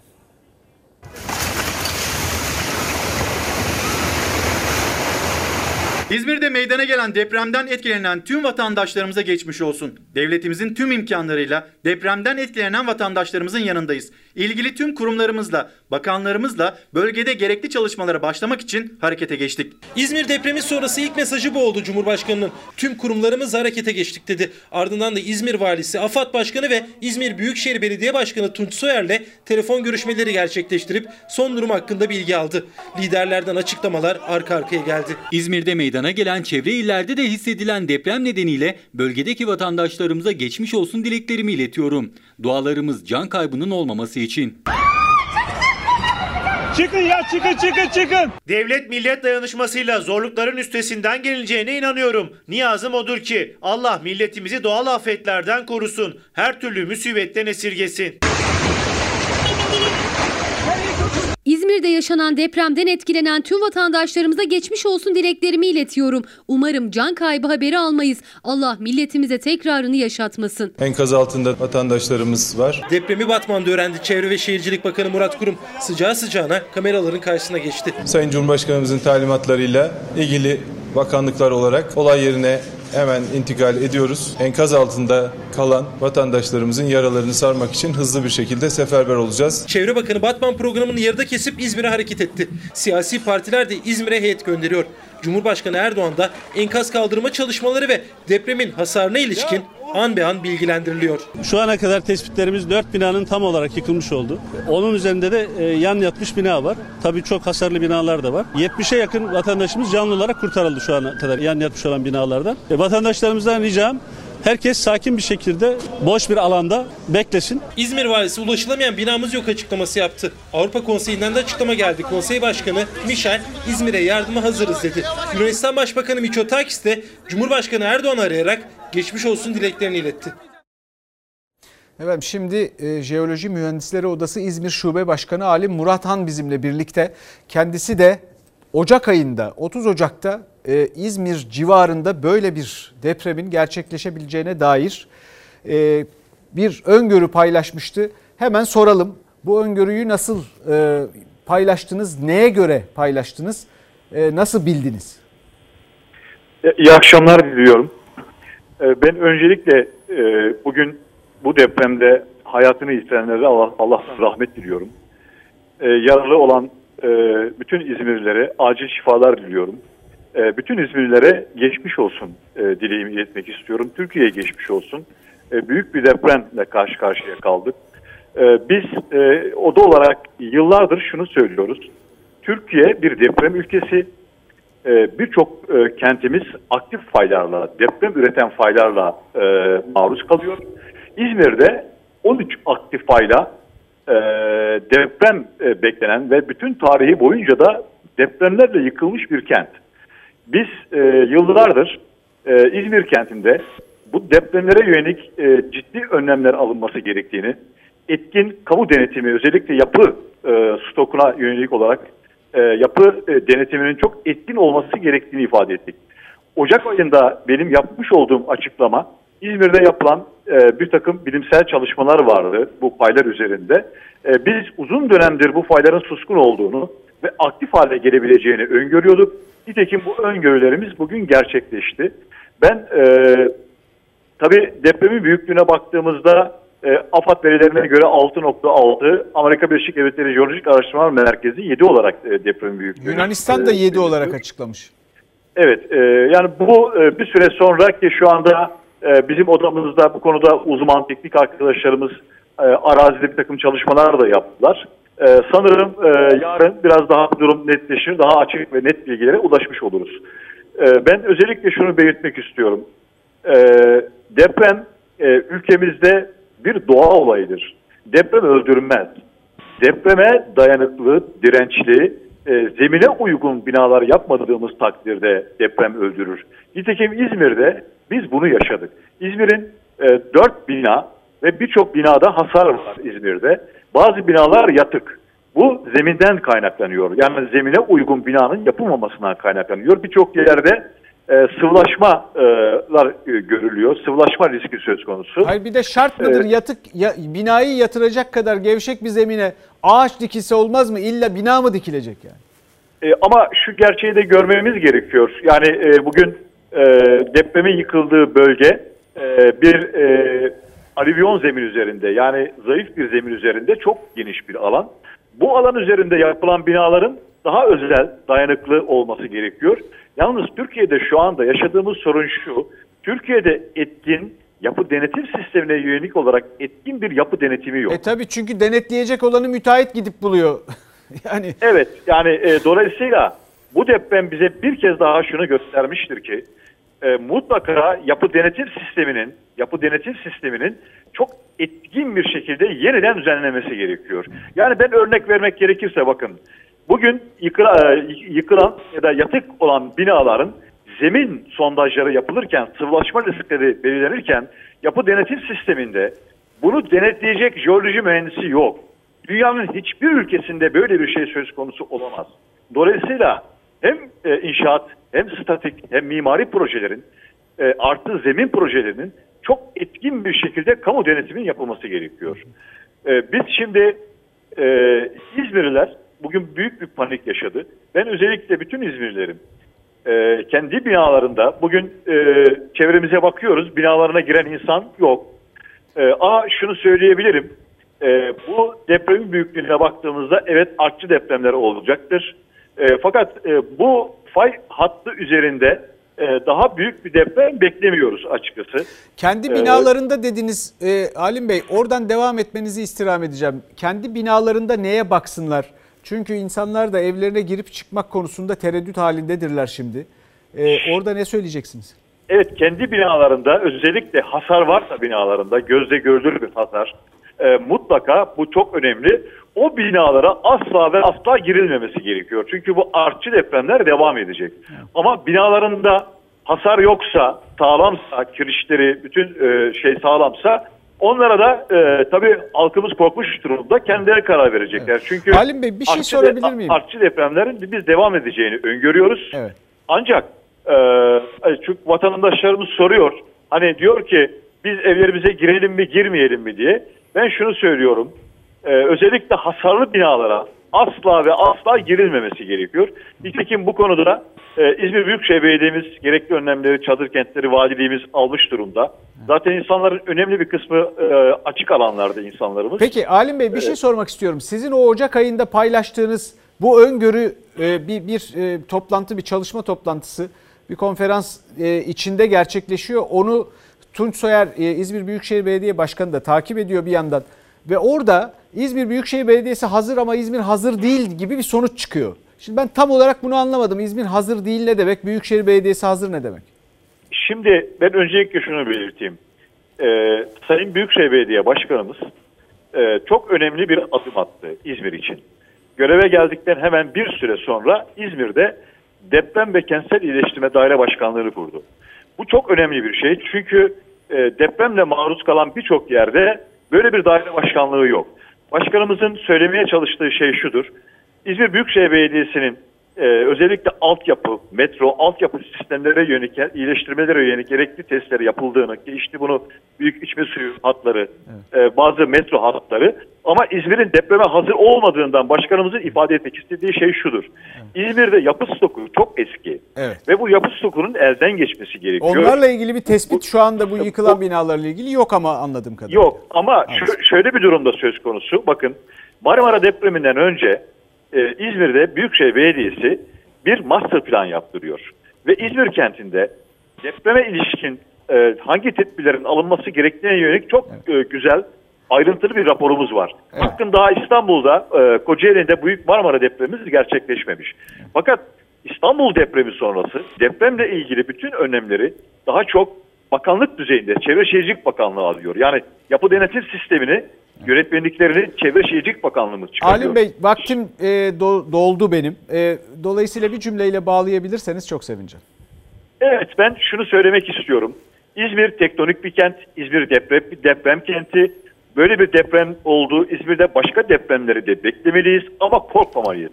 Yapmamız gereken, gereken şey devletten yapılarımız için etkin bir kamu denetimi istemek. Yani jeoloji mühendislerinin, mimarların, inşaatçıların etkin bir şekilde yapı denetim sisteminin denetlenmesi ve Peki, yeniden çok yapılandırılması. çok teşekkür ediyoruz. Sağ olun Halim Bey. Sağ olun. Sağ olun kolay gelsin. Halim Bey de bir toplantıya katılacak şimdi. Eh, çalışmalarda devam ediyor İzmir'de kurtarma çalışmaları. Şimdi arkadaşlar biz neyle devam ediyoruz onu bana da söylerlerse. İstanbul'da şimdi bir de tabii biz e, yani belaların biri e, geliyor biri gidiyor. E, hatta hepsi birden aynı anda da e, üstümüzde bir yandan uğraşıyoruz, korkuyoruz. Koronavirüsüyle ilgili de son gelişmelere bir bakmakta fayda var. İstanbul'da özellikle sağlık çalışanları ki son 24 saatte 5 sağlık çalışanını kaybettik. 2, 3, 4, 5, İstanbul için acilen tedbir alınması lazımdır. Alınan tedbirler yetersizdir. İstanbul'da durumu kontrol altına alamazsak salgın baş edilebilir olmaktan çıkacaktır. İnsanların bir suçu yok abi. Kapıları bir açar mısın abicim? Amirim şimdi yazdı daha yeni tazi yapma be. 35 yolcu çıktı 12 kişilik bu minibüsten hem de ikinci kez çevirdi polis aynı minibüsü. İstanbul'da yapılan denetimlerde o minibüsteki durum 15 dakika arayla aynıydı. Salgının merkezi İstanbul'da toplu taşıma araçlarını kullanmak zorunda olanlar çaresiz. İstanbul Tabip Odası'na göre ise tedbirlerde geç kalınıyor. Kademeli olarak e, veya tam kapanma dışında bir seçenek kalmayacaktır önümüzdeki haftalarda bu şekilde giderse. İki saattir bekliyorum. Biz işçi bir insanız ya. Bak gidip ka- kafede dörtte çıktım baktım kaçta bindim minibüse. Yarım saatte bir geliyor. Yok minibüs yok. Bize de günah biz istemeyiz ki. Şoför de istemez. 22 bu ne ya? Yolcular da tehlikenin farkında ama salgının ilk aylarında olduğu gibi toplu ulaşım kısıtlaması hala söz konusu değil. Oturarak ya da ayakta onlarca kişi uzun süre aynı havayı soluyor. İstanbul'da son iki haftadır vaka sayısında hızlı bir artış yaşıyoruz. Bu artışın yanında hastaneye sadece ağır semptom olan hastaların yatırılması, semptomsuz veya hafif semptomlu hastaların eve gönderilmesi hastalığın daha hızlı yayılmasına neden olmaktadır. Umut Aşı da İstanbul'da gerçekleştirilen Türk Konseyi Sağlık Bilim Kurulu toplantısında Sağlık Bakanı Fahrettin Koca yerli koronavirüs aşısında sona yaklaşıldığını duyurdu. Yerli aşı çalışmalarımızda insan deneyleri aşamasına geldik. Diğer ülkelerde yürütülen aşı çalışmaları konusunda da yakın işbirliğimiz devam etmektedir. Türk Toraks Derneği'nin Halk Kongresi'nde ise grip ve zatüre aşıları gündemdeydi. Ancak Sağlık Bakanlığı'ndan aşı sayılarının artırıldığına dair henüz bir açıklama yok. Zatürre aşısını e, yaptırmak sizi COVID-19 e, zatürresinden korumaz. O kesin. Ama bir insanın hani e, bilinen bir bakteriye yine de karşı aşı yaptırmış ve bağışık olması yine de e, Covid-19'da bile kötüleştiğiniz zaman hani ne bileyim yoğun bakım süreci veya daha ağır periyoda geçtiğiniz zaman en azından aşılanmış ve bağışık olmanız, olmanız çok hani iyi bir şey gene de. Şimdi Esenyurt'a gidelim. Esenyurt en yoğun bulaşın yaşandığı, e, en yoğun vakanın veya hastanın görüldüğü ilçesi İstanbul'un ilçelerinden bir tanesi. Oraya gidelim bir test çilesi izlenimi, haberi izleyelim biz de. Test yaptırabildiniz mi? Sabah 9'dan bu tarafa buradayız. Zor daha şimdi test yaptık. Kaç kişi bekliyordu sırada? En az 500-600 kişi vardı. O milleti görün, hallerini görün bak. Covid hastası orada durmuş. Orada duruyor diyor bir de ben Covid'im bir de orada ben onun yanında duruyorum. Böyle bir şey olamaz. İstanbul salgının merkezi Esenyurt'sa İstanbul'un en kalabalık ilçesi. En çok vaka da Esenyurt'ta var. Devlet hastanesindeki test sırası her gün uzadıkça uzuyor. Üçüncü sefer geliyorum hala aynı sıra hala aynı sıra yani. Sabah Her kaçta geldiniz? Çok kalabalık. 7'de geldim aynı, 9'da geldim aynı. Gittim işlemlerimi hallettim geri geldim yine hala aynı. Hastaneye test yaptırmaya gelenler iddiaya göre saatlerce test sırası bekliyor. Burası Esenyurt'taki Necmi Kadıoğlu Devlet Hastanesi. Bu hastaneye gelenler de genellikle bu minibüs durağını kullanıyor. Bu minibüslerden iniyorlar, testlerini yaptırıyorlar ve dönüşte yine bu minibüsleri kullanarak dönüyorlar. Ambulansla geliyor. Neyle dönüyor eve? Taksiyle ya da dolmuşla dönüyor. Peki riskli değil mi bu? Riskli ama ne yapalım? Ne yapabiliriz? 1 milyona yakın nüfuslu Esenyurt'ta test sırasına girebilmek için de toplu taşıma araçları kullanılıyor. Evden çıktıktan sonra risk hem ulaşımda hem de hastanede büyüdükçe büyüyor. Çok mu hasta var içeride? Abi çok var hasta doludur yani hasta da var arabalar da dolu. Uzmanlar temastan kaçınılmasını isterken bu pek de mümkün olmuyor. Covid alanında, başvuru alanında 200'e yakın kişi bekliyor. Hepsi arka arkaya aralarında yarım metre bile yok. Uyaran neden kimse yok. Yani test yaptırmaya geldim ama ya korkuyorum. Doktorlarımız, sağlık çalışanlarımız yorgun, haklarını da alamamış durumdalar. Hayal kırıklığı yaşıyorlar bir yandan. Mücadelede de en ön safta onlar. Bugün bir eylem daha yaptılar. Yaşamak, yaşatmak istiyoruz. izinlerimiz zaten ilk pandemi döneminde iptal edilmişti. Şimdi tekrardan izinlerin iptal edilmesi bizim zaten geldiğimiz son nokta. Yani tükenmiş durumdayız. Defalarca söylediler, yorgunuz, tükeniyoruz dediler ama seslerini duyan olmadı. Tarama testi, yeterli koruyucu ekipman, ek ödeme beklerken 5 sağlık çalışanı daha koronavirüse yenik düştü.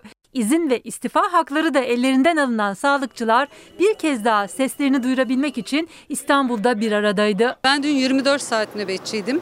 E, kelimenin tam anlamıyla hiç oturmadan bu e, nöbete devam ettik. Çünkü az sayıda çalışıyoruz. Şu an bize e, bakanlığın açıkladığı genelgeyle dinlenmek yerine tam tersi izinlerimizi iptal edip dinlenme hakkımızı elimizden alıyor. Biz bu yorgunlukla bu salgınla mücadele etmekte çok zorlanıyoruz. Son 24 saatte 3'ü doktor, 5 sağlık çalışanı hayatını kaybetti. Koronavirüs yüzünden ölüyorlar, tükeniyorlar ama buna rağmen çalışma şartlarının iyileştirilmesine yönelik herhangi bir çalışma yok. Üstüne üstlük şimdi bir de izin, istifa ve emeklilik hakları ellerinden alındı. Tükeniyoruz, ölüyoruz. Özlük haklarımızda herhangi yıllarca talep ettiğimiz hiçbir e, iyileştirme yapılmadı. Salgın sürecinde e, zaten var olan haklarımız bile gasp edildi. İzinlerimiz iptal edildi. Hala en fazla özveriyi onlar gösteriyor. Uzun nöbetlerle günlerce evlerinden, ailelerinden, çocuklarından uzak kalıyorlar. Virüsle en yakın temas eden de yine sağlık çalışanları. İnsanca yaşamak istiyoruz. Yorgunuz. Çok uzun süredir çalışıyoruz. Vakalar gittikçe ağırlaşıyor. Yatak bulunamıyor. Yoğun bakım e, yeri konusunda sıkıntılar çekiliyor. Hastalar gittikçe de ağırlaşıyor. E, bu konuda yetkililerin acil önlem alması gerekiyor. Bu böyle gitmez. Dinlenme ve görevden çekilme hakkımız aynı zamanda yaşam hakkımızdır. Ankara'da da seslerini duyurmaya çalıştı sağlık çalışanları. Ellerinden alınan haklarının geri verilmesini istediler. Özellikle de izin haklarının. İkinci pik daha da ağır geçmeye başladı. Bu süre içerisinde dinmen, dinlenme hakkımızın anayasadan kaynaklı dinlenme hakkımızın elimizden alınmasını biz kabul etmiyoruz. Dinlenme hakkımız gasp edilemez. Aslında sebepleri birbirine çok benzeyen bir takım afetler yaşıyoruz. Bu Covid-19 salgını bundan bu kadar korkmamız, bu kadar etkilenmemiz ve şehirlerimizde özellikle İstanbul'un ilçelerinde bu yoğunluğun yaşanmasının sebebiyle depremden bu kadar korkmamızın sebebi 3 aşağı 5 yukarı aynı. Bunları benzer nedenlerle yaşıyoruz. Kilometre kareye insan yoğunluğumuz şehirlerde korkunç planlamalar sebebiyle Türkiye'de dünyanın en yüksek, en feci hallerini sergiliyor. En feci rakamlarını veriyor. Mesela İstanbul'un en yoğun semtlerinde, ilçelerinde kilometre kareye 82 bin kişi düşüyor. Oralarda o kadar kişi yaşıyor. Bu mesela işte başka bir şehirle kıyaslamak istersek New York'ta 17 bin. O da dünyanın en yoğun şehirlerinden biridir. Ama aradaki farkı görün. Benzer bir durumun çok daha az bir oranda elbette İzmir'de yaşandığını e, söylemek lazım.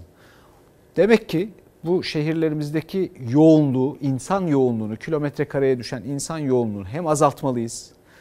Bütün afetlere ve belalara karşı hem de depreme karşı hazırlanmalıyız. Niye? Bugün çünkü bir afet daha yaşadık. Ee, İzmir en büyük depremini yaşadı. Kayıtlara geçmiş. Şu ana kadar 6 yurttaşımız, e, İzmir Büyükşehir Belediye Başkanı Tunç Seyir'in söylediği 7 e, yurttaşımız hayatını kaybetmiş durumda. 300 ila e, 400 arasında e, yaralı var. Arkadaşlarım şimdi beni uyarıyor. Can kaybı sayısı maalesef 12. Allah'tan rahmet dileyelim. Yaralılara e, geçmiş olsun dileyelim. E, yakınlarına başsağlığı dileyelim hayatını kaybedenlerin ve bütün İzmir'e, e, İzmir'de yaşayan herkese, civarda etkilenen herkese geçmiş olsun dileyelim. E, şimdi bir ara verelim. İzmir'in en büyük depreminden sonra güzel İzmir'imize, güzel ülkemize geçmiş olsun diyelim ve enkazlardan iyi haber bekleyelim. İnşallah enkaz altında arama çalışmaları en iyi şekilde sürüyor. Oradan canlı kurtulacak yurttaşlarımızın haberlerini bekliyoruz. Hayatını kaybedenlere rahmet dileyelim. Arama kurtarma faaliyetlerini yürütenlere de Allah kolaylık versin diyelim. Bizden bu akşam bu kadar. Daha sonra görüşmek üzere.